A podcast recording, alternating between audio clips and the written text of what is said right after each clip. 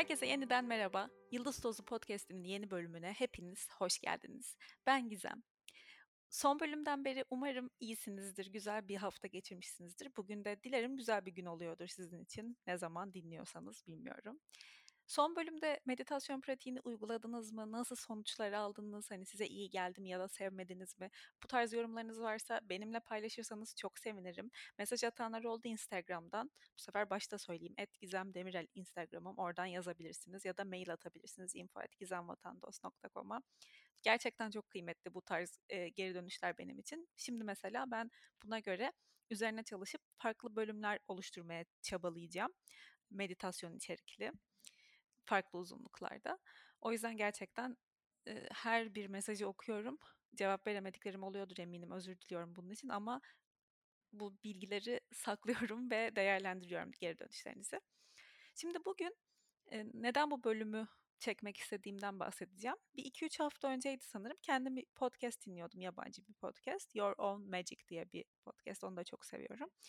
Ee, o kız da başka bir podcaster'ı Sahara Rose. E, The neydi? Highest Self olması lazım podcast'inin adı. Evet, The Highest, Highest Self Podcast.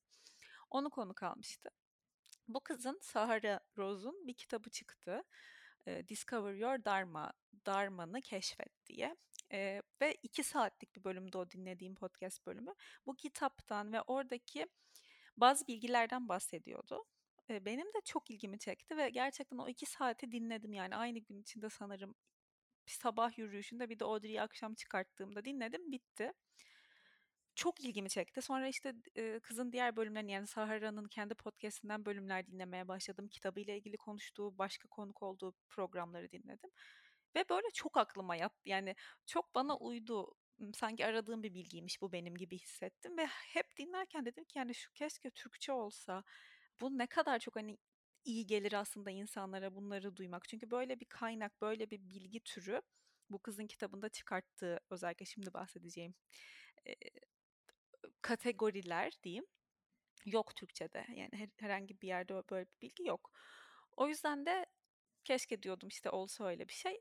Dedim ki en azından ben e, İngilizce bilen, İngilizce e, anlayan ya da okuduğunu anlayan ya da duyduğunu anlayan kişiler için hem bundan bahsedeyim hem de bunun linklerini koyarım.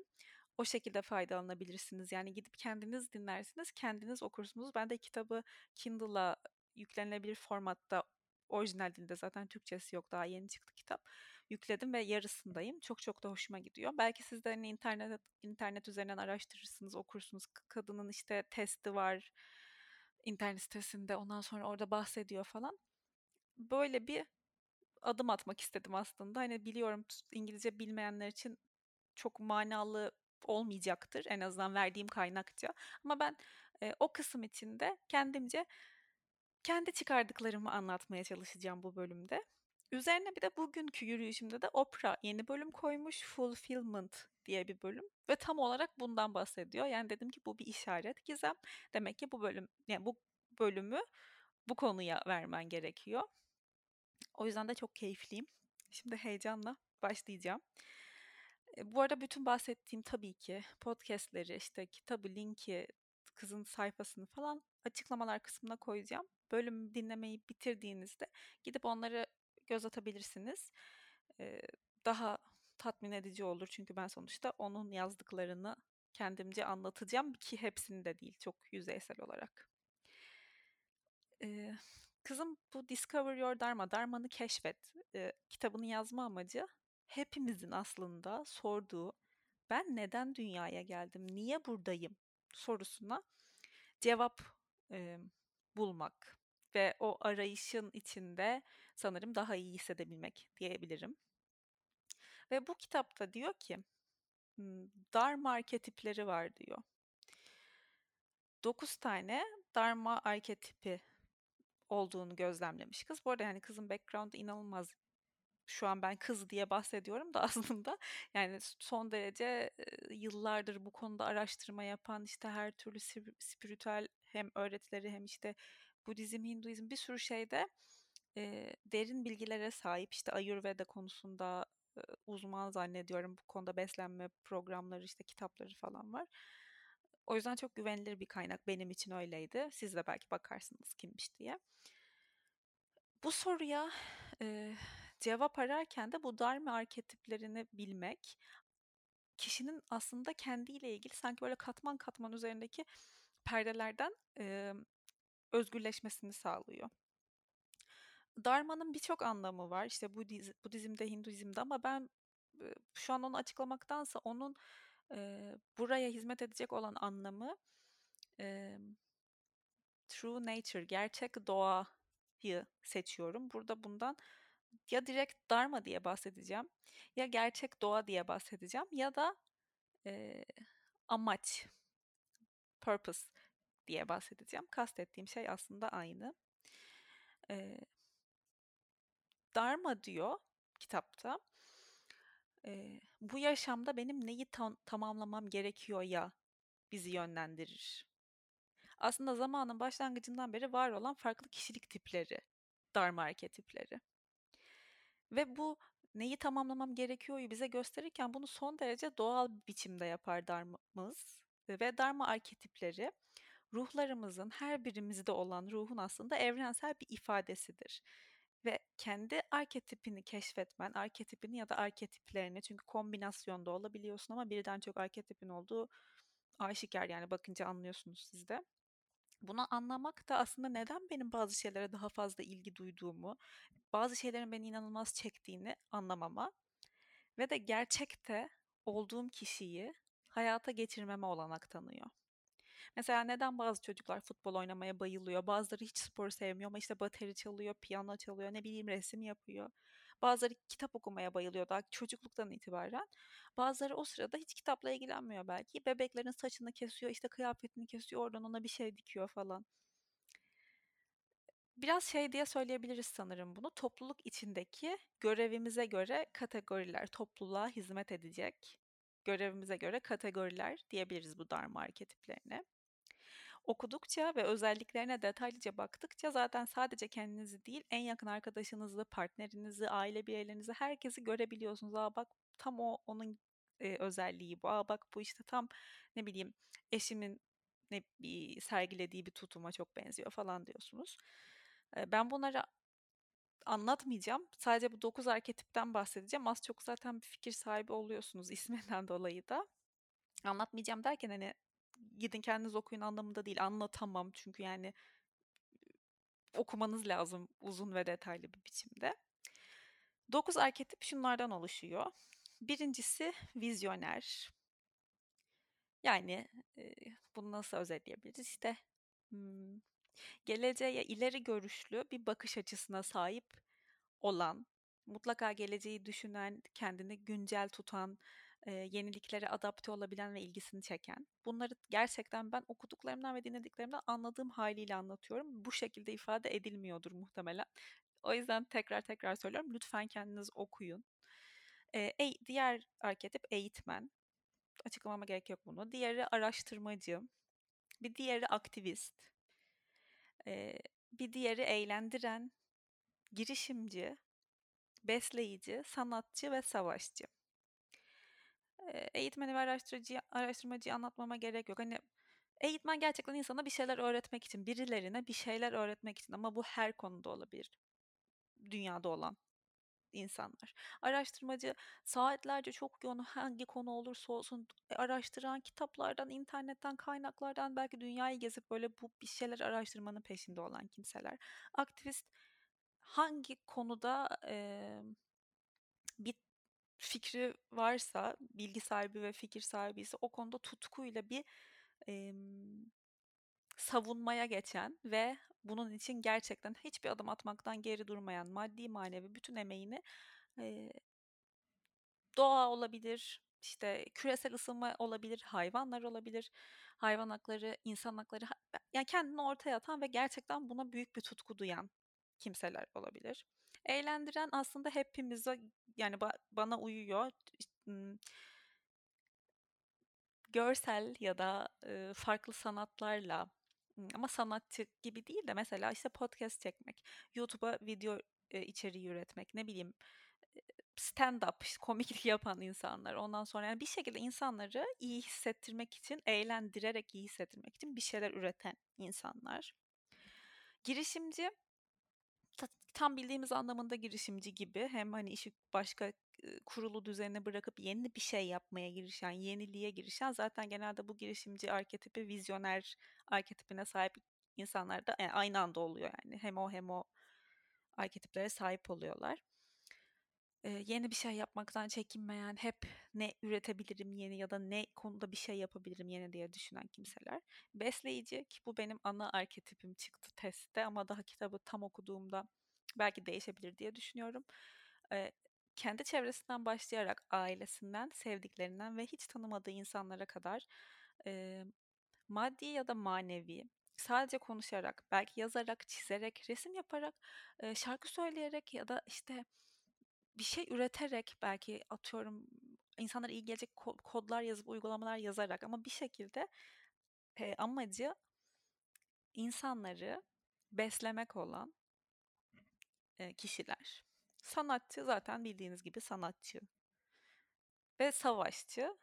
Bu da aslında bunu sanırım tam açıklayamam. Evet gerçekten bu da savaşçı yani bir şeyler için e, savaşan çok daha büyük e, bir yerden yani savaş modunda olan ama hani kötü anlamda değil böyle negatif ve sürekli herkese savaşa giren gibi değil yani inandığı e, idealler uğruna e, ya da hedefleri uğruna dünyada bir şeyler için savaşan insanlar. Bunların hepsine bir kere zaten dünyada ihtiyacımız var.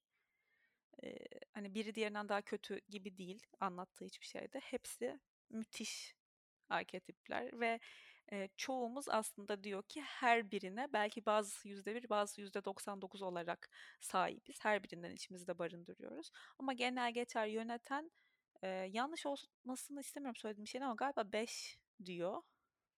E, kendiniz zaten araştırdıkça keşfediyorsunuz aslında. Bir de kendi dediğim gibi internet sitesinde bir test var ama çok bence yüzeysel kalıyor. Yani o sadece 10 10 küsür soru ve şey bir tane biri çıkıyor.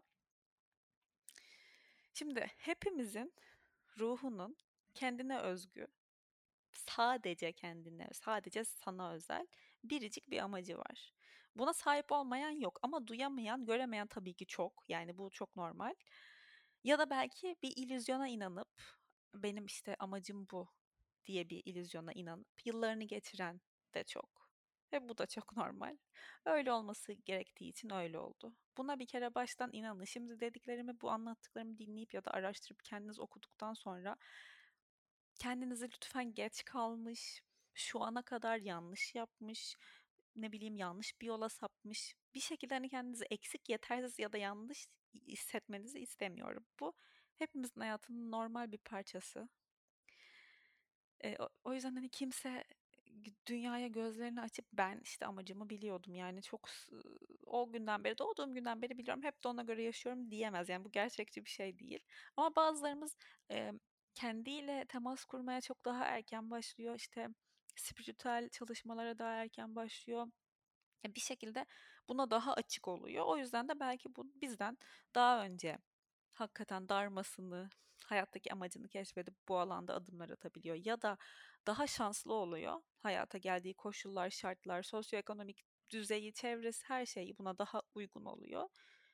Ve çok mücadele etmesi gerekmeden kendi amacı yolunda ilerleyebiliyor. Hayatını kendi amacını gerçekleştirecek şekilde tasarlayıp yaşayabiliyor envai çeşit yani çok geniş bir yelpaze bu. Neresinde durduğumuzun hiçbir önemi yok. Yeter ki keşfetmek istiyor olalım. Çünkü var. Yani şu an benim darmam yok. Benim hani herhangi bir amacım yok bu hayatta gibi düşünüyorsanız bu bir e, aldatmaca, yanılgı, bir bahane var. Sadece belki görme zamanın gelmemiştir ya da belki yeterince dikkatli bakmıyor olabilirsin. İşte o noktada da bu tarz kaynaklar işe yarar oluyor. Ee, eğer hani ne için geldiğimi bilemiyorum. Hani bu dediklerin ilgimi çekiyor ama acaba ne benim darmam ya da nedir diyorsan sanırım Aslında yapılacak en iyi şey hem de bu Dharma arketipleri arasından hangisiyim beni keşfetmek için de. Çünkü gerçekten hani Dharma'nı keşfetmektense Dharma arketiplerinin hangisi olduğunu keşfetmek aslında zaten hop ayna tutuyor. Aa, aa şa Dharma bu falan hani hayat amacın bu gibi oluyor birazcık. Ee, bu noktada diyordum yapılacak en iyi şey önce kendini tanımak, iç sesini duymak için birazcık durmak ve buna zaman ve emek harcamak. Çünkü orada bir yanılgı var tabii ki.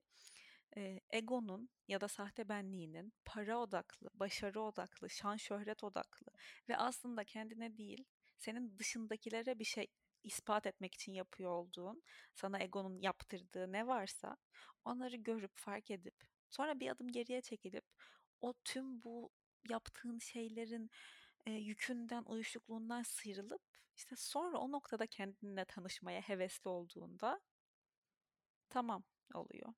Gerçekten yapabileceğin en iyi şey bu. Önce bir kendi kendinden olan beklentilerinden, sana başkaları tarafından yüklenmiş olan beklentilerden ve de gerçekten e, ego temelli yani sahte benlik temelli ne bileyim fazlasını isteyen bir onay için herhangi bir alanda bir onay için kendine bir etiket takabilmek için e, yaptığın eylemlerden ve seni buna iten hislerden sıyrılıp bir durmak gerekiyor ve gerçekten o şekilde bakmak gerekiyor. Ondan sonra belki okumak, araştırmak gerekiyor bunları. Ya da hiç bunları yapmadan da okuyup araştırıp belki o sırada bir tını, farklı bir şey hissedersin. Hani sen yine bu mücadele içerisindesindir. Ee, onay uğruna ya da işte para, şan, şöhret için ama okursun ve dersin ki ya belki diyemezsin bile kendine itiraf edemezsin çok öbür tarafa kanalize olmuşsundur ama içinde bir yerde bir der bir şey. Aa gerçekten bu ben hakikaten böyleyim falan. O da bir uyanışa sebep olabilir. Ee, ve bunun dışında bu amacı bulma yolunda e, heyecan ve coşkunun üzerinde çok duruyorlar. E, çoğu kaynakta. Hatta Sahara Rose diyor ki, benim çok hoşuma gitti bu cümle. E, seni heyecanlandıran şeyler seni darmana yönlendiren ekmek kırıntılarıdır. Nelere heyecanlanıyorsun? E, neler seni böyle e, bu, o eylemde bulunmak seni heyecanlandırıyor ya da düşünmek heyecanlandırıyor. İşte muhtemelen o seni darmanın çağrısı. Hani bak senin amacın buradan geçiyor diyor. Demin ama az önce biraz önce bahsettiğim egosal e, heyecanlardan bahsetmiyorum. On, onun olmadığından emin olduğum kısmı bu. Hatta Paulo Coelho da e, şöyle diyor, heyecan, coşku duymuyorsan o senin amacına hizmet etmiyor. Neyse o yaptığın. Burada şöyle yapabilirsin. Arkadaşlarına, ailene bir sor. Senin enerjini ne çok değiştiriyor, ne çok etkiliyor. Ya da kimse seni çok iyi tanıyan hani genelde sıkça zaman geçirdiğin rahatlıkla kendinden bahsedebildiğin dürüst bir şekilde. Neyden bahsederken gözlerin parlıyor mesela. Gece neyi yapmayı düşünürken uykuların kaçıyor. Kendini 5, 10, 15, 20 sene sonra nasıl görüyorsun? Peki 5 sene önce nasıl görüyordun? Neler hayal ediyordun? Şu an o yolda mısın? O oraya doğru ilerliyor musun ya da? Burada da şu yanlışa düşmemizi istemem. Ee, hepimiz heyecan duymadığımız eylemler içinde bulunuyoruz. Bulunduk da. Aslında orada kastettikleri şey her saniye aa zıp zıp zıp zıplamak değil. O durağan, sıkıcı eylem seni amacını gerçekleştirmeye taşıyacaksa bunu bir basamak olarak görebilirsin. Her şeyin ve herkesin bir zamanı var tabii ki tık diye olmuyor hiçbir şey. Ve bunlar e, özellikle bu tarz engeller ya da e, dönemler, parçalar puzzle'da olmak zorunda ki olmak istediğimiz şekle, olmak istediğimiz yere varabilelim. Tam bu noktada kendi hikayemden bahsetmek istiyorum biraz. Ee, ben 9 yaşında tiyatro okumaya karar verdim. İlkokulda bir İngilizce klas show'umuz vardı. Orada çok güzel geçmişti. İşte müthiş komik bir minik bir şey oynamıştık arkadaşımla. Böyle çok alkışlanmıştı. Müthişti falan ve böyle o alkış sahnesini hatırlıyorum. Yani içime resmen burnumdan böyle sanki sihirli bir toz girdi ve evet dedim ben bu işi yapmak istiyorum. Gerçekten de ondan sonra vazgeçmedim. Hatta lisede bile ben sanat lisesine gideceğim falan diye tutturdum. Dediler ki kızım hani saçmalama e, normal bir liseye git. Yani bir, bir şey bitir. Ondan sonra hani üniversitede Ne yapmak istiyorsan yaparsın. İyi ki de öyle demişler. İyi ki gittim liseme.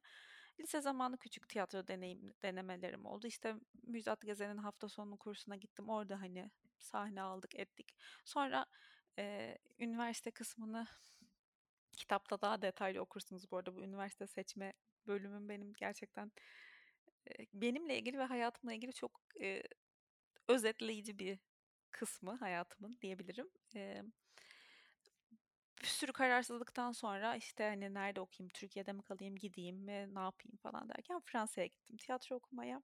Yine iyi ki yaptım dediğim bir şey. Ee, orada da hani hem derslerde hem okul dışında küçük denemelerim oldu. Ne bileyim hani bir şeyler yaptım. Sonra işte buraya geldim. Burada çok zorlandım. İş bulamadım. Zaten hani seçmelerden haberim olamıyor. Burada bir de bambaşka bir çevre var. Yani burada okumuş olmak gerekiyor onu burada yapabilmek için. Ben öyle düşünüyorum. Ya da burada bu iş alanına çok fazla tanıdık ve arkadaşa sahip olmak gerekiyor. Neyse sonra işte e, hep böyle bunu tüm samimiyetimle anlatıyorum. Ee, annem küçükken derdi bana hani ilk bu işe başladığında bak sen bunu neden ilk bu işe başladığımda değil ilk bunu hayal etmeye başladığımda hani tiyatro okuyacağım dediğimde e, sen bunu neden iste yani neden istediğinden emin ol derdi hani alkış almak için mi e, Yoksa neden falan. O zamanlar hani işte hayır sadece bunu yapmak istiyorum. Gerekirse tabii biliyorsunuz işte sanatçı para kazanmaz burada soğan ekmek yer tiyatrocu falan gibi bir çok da yanlış olmayan bir algı var.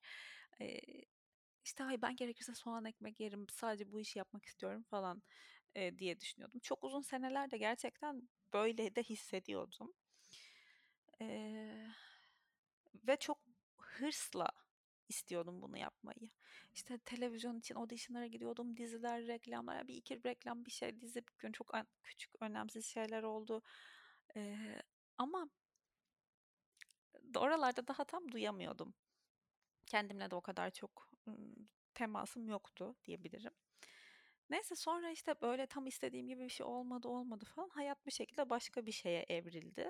Ee, hem sosyal medyayla uğraşmaya başladım hem işte yazı yazmaya başladım falan. Aa, baktım yani yazı yazmak zaten yazıyordum hani hep eskiden de küçükken de ama işte Kafka Okur'da yazılarım çıkmaya başladı. insanlar ne bileyim fotoğraflarını çekip koyuyor bana mesaj atıyorlar.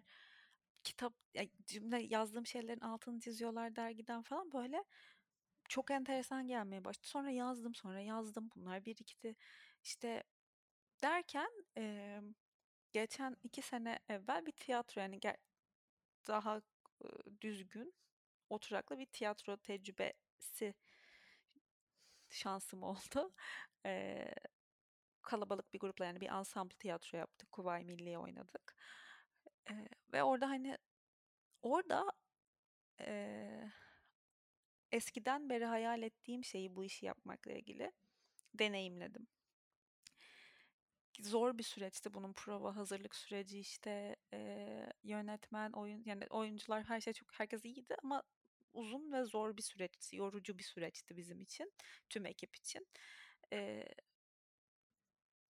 ve bir o kadar benim açımdan tatmin edici bir süreçti çok bunu hani burada böyle hani gerçekten deneyimlemek istiyordum çünkü. Eee, ve sonunda işte premier günü geldi. Benim hep hep hayalim şuydu. Eee, oyuna işte tiyatro oyunum günüm geliyor. Bütün sevdiklerim, ailem, arkadaşlarım, işte eşim, dostum herkes orada. Eee, oyun başlıyor. Onlar beni ilk kez görüyor. Ben onları ilk kez görüyorum ama belli etmiyorum tabii ki. Bozmuyorum kendimi falan ve en son işte alkış sahnesinde hepsi alkışlıyor. Herkesin yüzünü görüyorum. Eee bütün bu hayal ettiklerim gerçek oldu. Bir değil, iki değil, üç kere, dört kere hatta yani. Ee, ve şeyi hatırlıyorum oyun başlamadan önce nabzımı böyle boğazımda hissediyordum. Sanki daha önce hiç sahneye çıkmamışım, hiç bu işin eğitimini almamışım. Hiç hiç hiç gibi. Ve o, o nabzımın atışı bile o kadar güzel bir histi ki. Ve sonra tüm bu hayal ettiğim şeyler, tüm o anı yaşadım dolu dolu içime sindire sindire. Ee, ve şey oldu sonra. E peki şimdi? Hani nokta nokta nokta soru işareti. Oyunlar bitti. Hani oradan sonra devam etmeyecekti tiyatro işte yaz geldi falan. Ve şeyi fark ettim. Daha fazlasını ve daha farklı bir şeyi arıyordu bir yanım. Başka bir şeye susamış gibiydi. Hani ve bu bu değildi susadığım şey. Yani bunu söylemek bile şu an tüylerim diken diken oluyor. Çünkü çok uzun bir zaman ben bunun böyle olduğuna inandım. Ha şunu demek istemiyorum. Benim e, sanatla ilgilenen ve tiyatroya çok çok bayılan, çok değer veren yanım hala var. Ama hayat amacım oradan geçmiyor. O hayatımın bir parçası ve olacak. İşte burada çevirdiğim bir oyun var. Onu koymayı çok hayal ediyorum. Oynamayı yine hayal ediyorum. Ama bir acelem yok. Ya da ona bağlı hani ona bağlı değil bütün hayatım. Başka bir şey var çünkü. Anlatabiliyor muyum bilmiyorum. Ve işte bunu fark etmek ee, çok iyi geldi. Ben artık biliyorum ki benim ilk amacım bu beslemek yani besleyici arketipteyim ben. Ve mesela bunu eğlendirici arketipimle destekliyorum şu an. E, bu podcast'i çekerek, bu konuda içerikler üreterek, hani beslemeyi ben e, konuşarak belki e, bilmiyorum öyle bir şey çıkmadı ama belki bu eğitmen arketipi de olabilir bende. Anlatarak, tanımadığım insanlara ulaşmaya çalışarak yapıyorum. Şimdi içinde şu an yaptığın işten, gününü geçirdiğin, her günü nasıl geçirdiğin biçimden bıkmış, onu değiştirmek, kendini değişmek ve tamamen bu düzenin içinden çıkmak isteyen birisi varsa sen de onu duyup harekete geçmelisin. Örneğin bir yerde staj yapıyorsan ve fakat farklı hayallerin varsa bir yandan o hayalin için para biriktiriyorsan örneğin stajda fotokopi çekerken de içinde bir yanın hayalin için heyecan duyuyor oluyor. Yukarıda bahsettiğimiz heyecan aslında öyle bir şey. Yani bu senin için bir basamak oluyor bahsettiğim gibi. Onların kastettiği şey e, tamamen hani yaşam heyecanı, bir amaç, hiçbir şey hissetmeden eylemlerde bulunuyor olmak.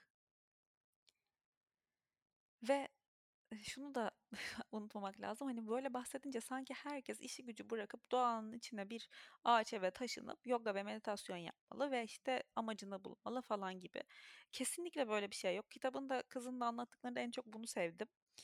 Herkes sahil kasabasına yerleşip domates yetiştirmek zorunda değil. Bu ise amacın yani kesinlikle okey ama böyle bir zorunluluk yok. Yani darmanı gerçekleştirmek, hayat amacını bulmak ve bunun için bir eylemde bulunuyor olmak kesinlikle bu demek değil. Diyelim ki sen hissediyorsun evrene ne sunabileceğini, bütünün titreşimini nasıl yükseltebileceğini. Örneğin besleyicisin sen o arketipler arasında. Sevdiklerin ve tüm insanlığı beslemek senin amacın. İşte o noktadan sonra bil ki ruhunun amacını gerçekleştirme yolları sınırsız. Ve o amaca hizmet edebilecek aktiviteler gerçekten bizim hayal gücümüzle doğru orantılı sadece. Bakacaksın elinde ne var? Sen neler yapabiliyorsun? Cephanen nelerle dolu? İyi yapabildiğin şeyler neler? Sana yapmaktan haz duyduran, işte heyecan veren şeyler neler? İşte ondan sonra da besleyiciydim ben. Hani amacım bu benim. Bu besleyiciliği gerçekleştirmek için bu hayatta ne yapabilirsin? Bu senin için bir aşevinde gerçekten kelimenin tam anlamıyla beslemek için gönüllü olarak yemek pişirmek olabilir. Belki iki haftada bir. Ve bir farklı hissedersin. Onu, bunu yaparken bunu yapıyor olmaktan dolayı yükselir enerjin. Belki bir başkası sebze meyve ekiyor, tarımcılıkla uğraşıyor ve bu onun ruhunun yolu. Veya insanlara iyi gelecek yazılar yazıyor, konuşmalar yapıyor. Yine bu besleyici yanını, bütünün hayrına olan ve bütünü beslemekten geçen amacını gerçekleştirmiş oluyor. Başkası arketipler arasında mesela girişimci diyelim ve teknoloji konusunda bilgili ve ilgili. 10 saat bilgisayarın başından kalkmadan kod yazar, araştırır, yazar, çizer böyle kodlar ve bambaşka bir şey sunar bütüne.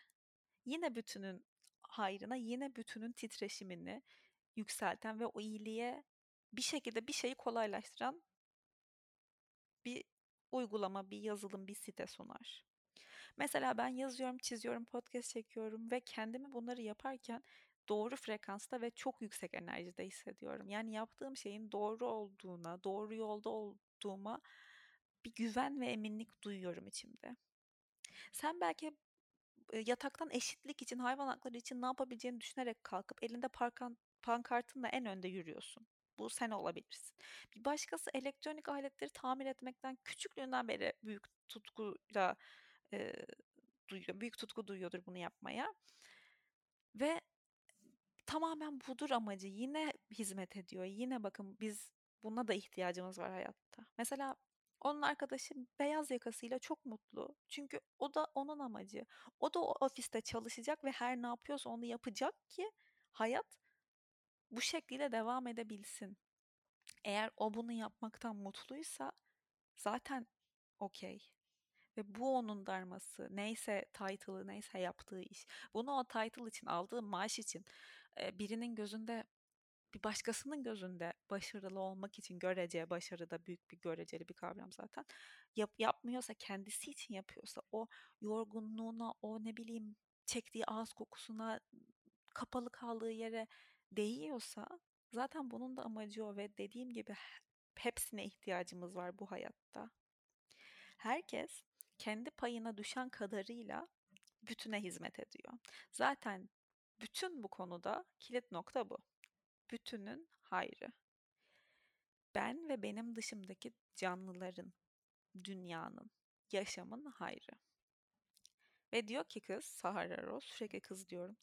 Kendinle temas kuramıyorsan, bir amaç bulamıyorsan, ne bu benim darmam ne işte ne ki amacım neye hani niye geldim. En geniş ve en kapsamlı haliyle amacının bütünün hayrına katkıda bulunmak olduğunu söyleyebilirsin. Şimdi bir bak. Senin bütünün iyiliğine katma değerin ne? Eğer hepimiz aynı karaktere ve aynı becerilere sahip olsaydık yetenek diye bir şey olmazdı diye yazmış e, sitesinde Sahara Rose. Hepimizin kapasitesi her alanda aynı olsaydı müthiş bir şarkıcı, inanılmaz bir ressam, işte harika bir doktor ya da mucit olmazdı. Her şey ve herkes aynı olurdu ve en nihayetinde sıkıcı olurdu. Senin elinden ne geliyor? Ne sana kendini iyi hissettiriyor? Heyecan duyduğun eylemlerine baktığında ne gibi benzerlikler görüyorsun? Ve bu eylemlerin arasında bu birbirine benzer seni heyecanlandıran, coşku duyduran eylemlerin içinde diğer insanlar için, doğa için, dünya için, diğer canlılar için ne var? Çünkü büyük bir ihtimalle bir şey var. Sadece bu şekilde bakmayı denemek gerekiyor. Sen sen ol diye tasarlandın diyoruz. Herkes gibi ol diye değil. Dolayısıyla bırak ortaya koyduğunda tamamen sana ait olsun. Bu dediğim gibi bir boruyu tamir etmek de olabilir. Çünkü o boruları biri tamir etmezse herkes büyük zorluklara düşer. Evlerde musluklar tıkanır, su akmaz, şey tavandan aşağı akar sular ve domino taşı gibi bir sürü olumsuzluk olur tesisat konusu üzerinden. Aynı şekilde ofiste çalışan arkadaşa da ihtiyacın var, ihtiyacımız var bütün olarak.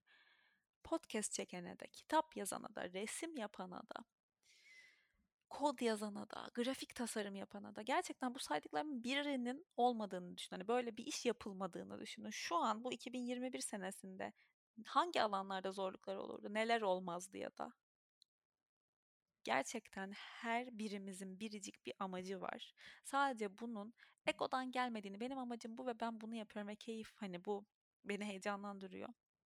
Bunun ego temelli bir şey olmadığını, sahte bir yerden gelmediğini biliyorsanız oradan devam edin. Kendinize inanın. Bırakın tamamen ortaya koyduğunuz şey size ait olsun.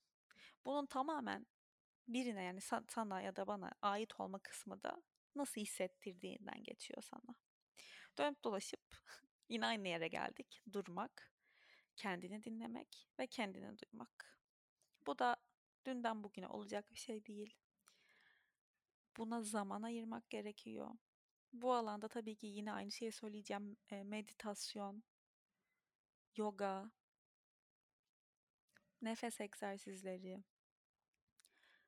yürüyüş de bir meditasyon. Yani bunu meditasyon olarak nasıl yapabileceğini araştırıp gerçekten zihnini dışarıda olup bitenden ya da her gün yaptığın şeyden birazcık sıyırıp orada duyabilirsin gerçekten ne amacın ya da sana ne ne nasıl hissettiriyor.